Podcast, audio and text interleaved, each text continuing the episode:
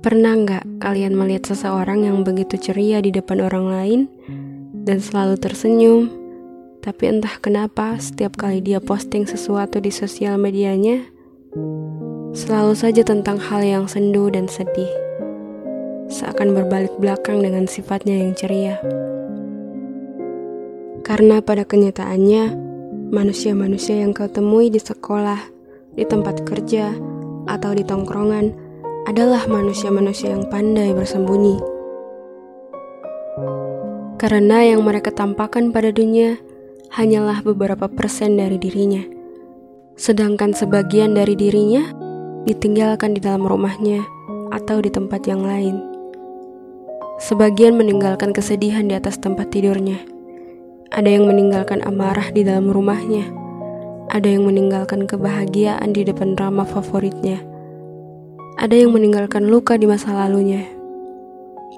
Karena sebagian orang hanya bisa bersedih saat dia sendiri di atas tempat tidurnya. Ada yang hanya bisa marah saat dia berada di rumah.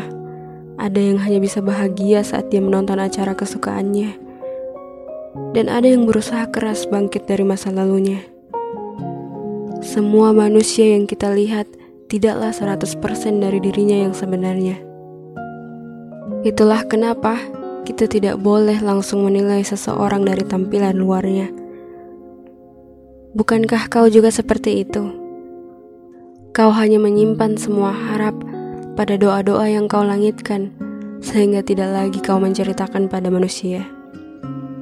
Kau menyimpan air matamu di atas sajadah, sehingga tak ada lagi air mata yang nampak di hadapan manusia. Kita semua menyembunyikan separuh dari diri kita. Dan engkau sangat memahami itu. Jadi berusahalah untuk tidak menghakimi manusia yang kau kenal hanya karena sedikit dari dirinya yang kau ketahui.